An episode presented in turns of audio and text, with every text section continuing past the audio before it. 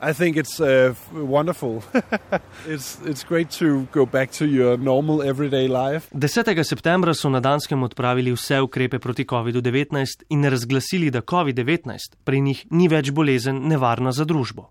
Svet je obšel posnetek polnega koncerta, kjer so obiskovalci uživali brez mask in brez razdalje. Mimoidoči na Kebenhavnskih ulicah so bili septembra opazno zadovoljni. It's, it's easier. You don't have to worry about getting passes and, and stuff like that. It's just kind of just seems normal. Danska je bila v svetovnem vrhu po precepljenosti, okužbe pa nadzirala z množičnim testiranjem. Vseeno so nekateri na sprostitev gledali s previdnostjo. I feel it's a little bit strange because uh, everything is not gone. I'm not sure whether it's not really true that it's gone because if you go to another country, they have other restrictions and many people around the world are sick. Danska je v zadnjih tednih visoko na lestvici po dnevnih okužbah. Njihovo sedemdnevno poprečje na milijon prebivalcev je 1600 primerov. Znova pa so vzpostavili ukrepe. What I think can be reasonably called a partial lockdown. Koronavirus. Podcast Vala 202. Pozdravljeni v koronavirus podkastu, kjer poskušamo že od začetka epidemije analizirati aktualno dogajanje povezano s COVID-19. Moje ime je Gašper Andrinek in septembra sem na Danskem odblizu spremljal, kako so sprostili vse ukrepe. Zdaj so jih znova uvedli. Zato sem znova preveril, kaj se tam dogaja.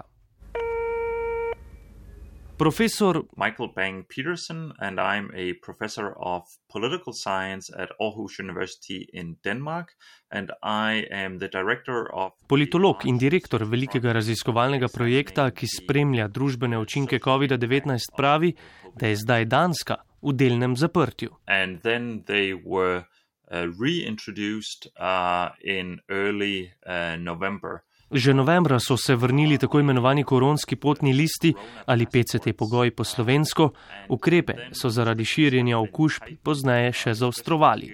Še posebno decembra, ko so odkrili tudi omikron. Zdaj so zaustavljene vse kulturne dejavnosti, javne uslužbence so nagovorili naj delajo od doma, šole so uvedle predčasne božične počitnice, v javnih prostorih so znova uvedli maske.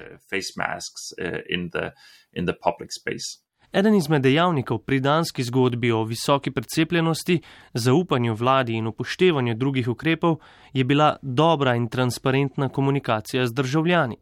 Kako so jim, potem ko so se danci skoraj vrnili v staro normalnost, potem sporočili, da je spet čas za nove ukrepe? I think they actually uh, prepared the public uh, for this situation, even when they lifted all restrictions in September. So it was. very Pravzaprav so javnost na to pripravili že septembra, ko so odpravili vse ukrepe. Zelo jasno so sporočili, da je to eksperiment.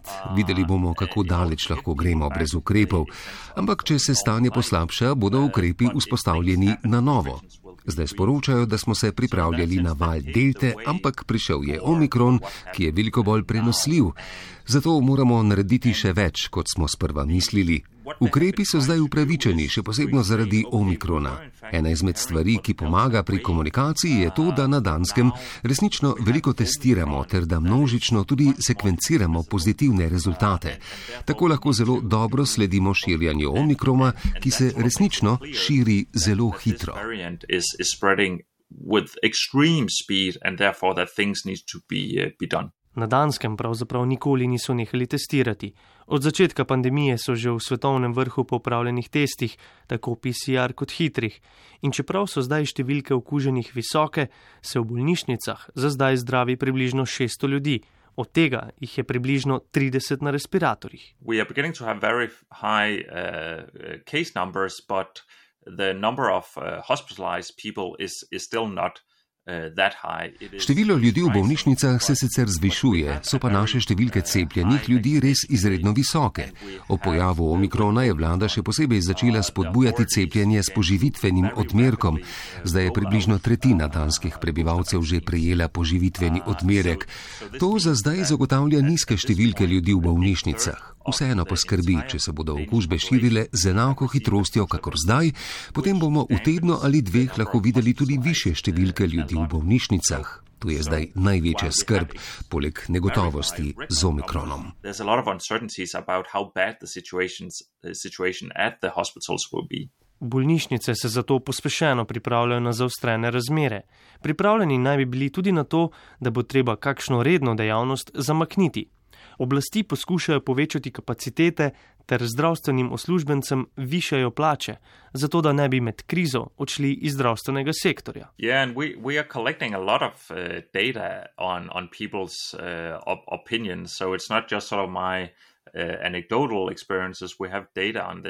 Akademska ekipa Michaela Benga Petersena že od začetka epidemije zbira zelo veliko podatkov o tem, kako ljudje doživljajo epidemijo, kako vpliva na njihova življenja. Zato vedno govori na podlagi raziskav. And, and overall, people seem to be quite prepared to uh, Ljudje so večinoma pripravljeni na uvedbo novih ukrepov in zaostritev. Po naših podatkih so ljudje pri ukrepih pripravljeni celo iti dlje, kot pa je vlada priporočila. Ko smo jih vprašali, ali niso pripravljeni več živeti z ukrepi, jih je samo približno 10 odstotkov dejalo, da niso. Večinoma pa so ljudje pripravljeni na to, da se še enkrat uprejo virusu. Širjanje okužb jih skrbi enako kot preteklo zimo. Še vedno zaupajo zdravstvenim institucijam, tako da, ko se znajdeš sredi težave in ko zaupaš na svetu, ki ga dobiš, potem si pripravljen tudi reagirati, čeprav si nihče ne želi biti več v tej situaciji. Imeli so nekaj protestov, ki pa niso bili nasilni. Profesor Michael Bank Peterson opaža, da nasilne proteste po Evropi sproža zdaj predvsem namera o obveznem cepljenju. Tega pa na Danskem za zdaj ne bodo uvedli. And the, and the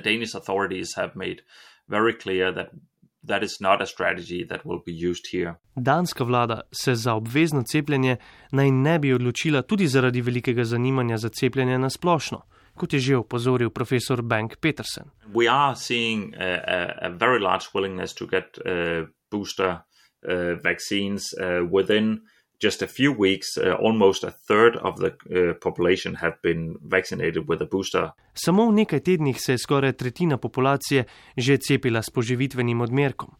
Ob tem je treba pozoriti tudi na to, da je bila Danska ena izmed prvih držav, ki je izločila cepljenje z vektorskimi cepivi in je vedno odkrito in transparentno komunicirala o stranskih učinkih cepiv. A ne glede na tako precepljenost, so zaradi okužb zdaj v delnem zaprtju if if you look at uh, at at the way the Danes perceive the situation, then Če pogledate razmere skozi dansko perspektivo, smo bili prvi, ki smo odpravili ukrepe in zdaj smo bili spet prvi, ki smo jih uvedli zaradi omikrona. Odpravili smo jih, ker takrat niso bili nujni, zdaj pa znova so. Zato smo se hitro odzvali. Kot danec tega nimam za porast, tudi moji sodržavljani ne. Znašli smo se v nepredvidljivi krizi, ko moramo reagirati hitro. Pravzaprav mislim, da je bilo za dansko družbo dobro, da smo bili teh nekaj mesecev brez skrbi zaradi COVID-a. Tako so se razmere normalizirale in odpravile utrujenost, ki bi se drugače stopnjevala. In zato smo zdaj v boljši poziciji. Because it did normalize life, it did remove some of the fatigue that otherwise would have been building uh, up. So, in that sense, I think we may be in a better position now, exactly because we uh, removed the restrictions uh, back then. I think it's wrong for other countries to Mislim, da je zmotno mišljenje, da je Danska v slabšem položaju glede omikrona kot druge države. Razlika med nami in drugimi državami je ta, da testiramo resnično veliko ljudi ter da sekvenciramo pozitivne teste. Skoraj gotovo so druge države v podobni situaciji z omikronom, samo da tega ne vedo. V nekaj tednih pa bo število primerov v Evropi šlo v nebo. Uh, Uh, Omikron je že prevladojoča virusna različica v Združenih državah Amerike in Angliji. Da je tako tudi na Danskem, je v torek 21. decembra sporočil tudi njihov zdravstveni minister. Kaj pa se lahko skozi dansko perspektivo naučimo od delte, da bomo pripravljeni na Omikron? Omicron is, uh, is really a, a new enemy that we don't know a lot about. Omikron je nov sovražnik, o katerem še vedno ne vemo veliko. Veliko vprašanje je, kako hudo bolezen povzroči. Dokler tega ne vemo, ne moremo tudi točno vedeti, s čim imamo opravka. Naslednja dva tedna bosta izjemno pomembna pri razumevanju tega. Če omikron ni veliko milejši kot delta, potem smo vsi v resnih težavah. To, kar vemo, je, da je omikron dosti bolj prenosljiv. Držimo pesti, da ne povzroča tako resne bolezni kot delta, potem pa se pripravimo na to, kar prihaja.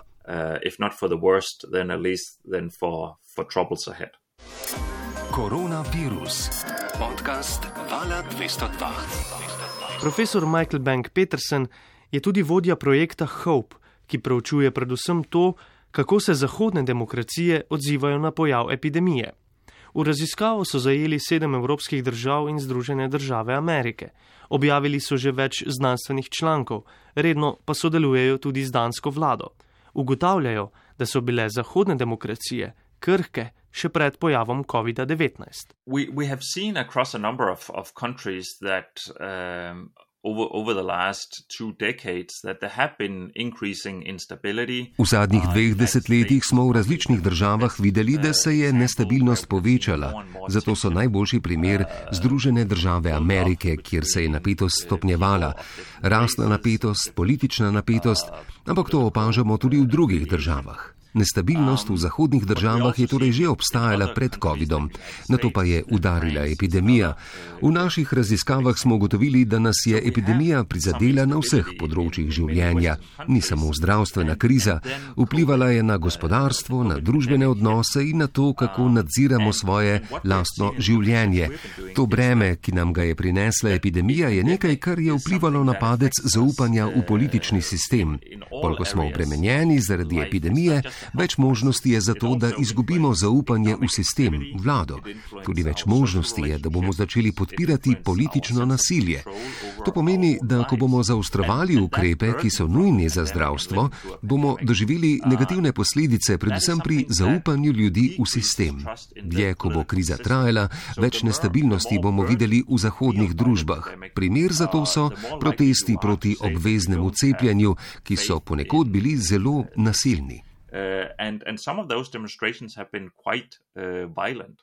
V enem izmed številnih odmevnih zapisov na Twitterju je zapisal, da se bo erozija zaupanja nadaljevala tudi v tretjem COVID-nem letu, ki je pred nami, a vseeno upa, da bo COVID-a kmalo konec. I hope it, I hope it will be over next year, but of, of course one should not get uh, too, too many hopes. Ampak na to se ne smemo preveč zanašati, ne glede na to, na neki točki bo konec. Če ne naslednje leto, pa potem naslednje. Zato je zelo pomembno, da smo zelo previdni, če smo odločevalci. Razmišljati moramo o tem, kako družbo pripeljati iz krize v najboljših razmerah. Zato se ne smemo samo osredinjati na to, da znižamo število okužb, ampak se moramo osrediniti tudi na to, kako bomo zaščitili gospodarstvo. Še posebno pa se moramo posvetiti temu, da bomo zaščitili javno zaupanje v politični sistem.